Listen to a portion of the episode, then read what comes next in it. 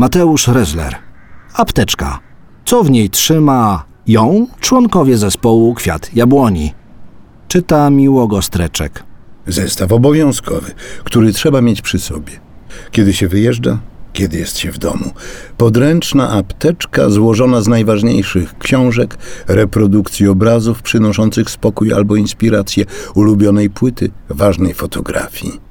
Zestaw nie musi być stały. Niektóre przedmioty z biegiem lat tracą swoją przydatność.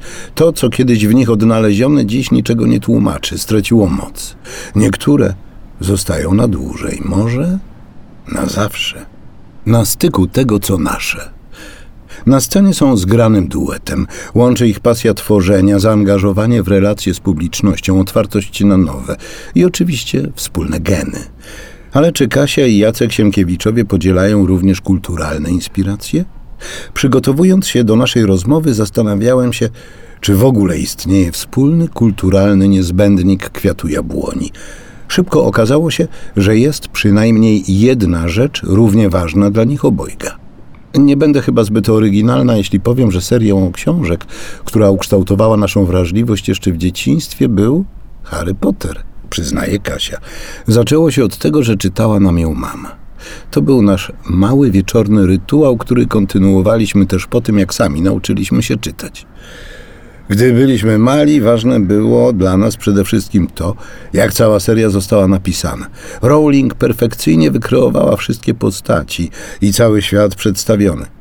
Wracając do tych książek, będąc dorosłym, zauważa się jednak rzeczy, które wcześniej przyjmowało się raczej bez większego namysłu.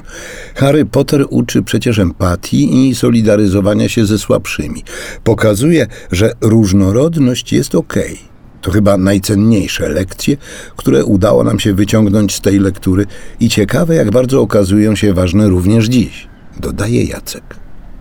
Obecnie Sienkiewiczowie skupiają swoją uwagę przede wszystkim na muzyce i to w niej nieustannie szukają twórczych inspiracji. Tu również są zgodni. Przy aranżacji piosenek wzorujemy się często na amerykańskim zespole Dave Matthews Band i Jasonie Mrazie. Spoglądamy też na nasze rodzime podwórko. Niedoścignionym autorytetem w pisaniu tekstów jest dla nas na pewno Jacek Klejf. W jego albumie Znalezienie zasłuchujemy się od dobrych kilku lat, mówi Jacek. Teksty Klejfa balansują na granicy poezji i filozofii, zawsze dotykając przy tym wielu uniwersalnych tematów związanych z ludzkimi tęsknotami, obawami i najsilniejszymi wzruszeniami. Pisząc własne piosenki, też staramy się o tym pamiętać. Chcemy, by z naszą muzyką można było się utożsamiać, dodaje Kasia.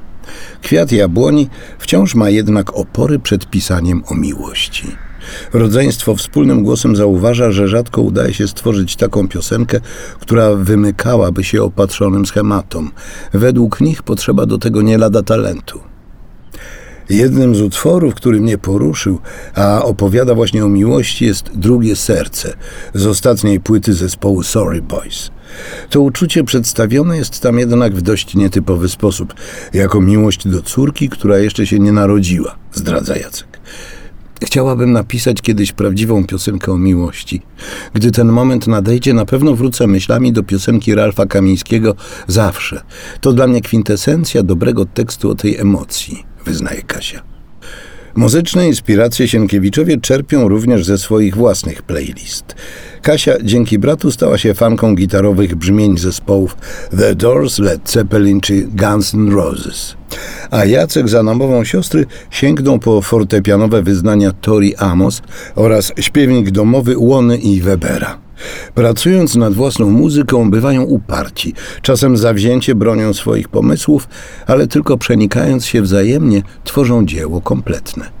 Również ich kulturalna apteczka, choć znajduje się w niej wiele czasem pozornie niepasujących do siebie elementów, przemawiających do wrażliwości Kasi Lubiacka, składa się w całość.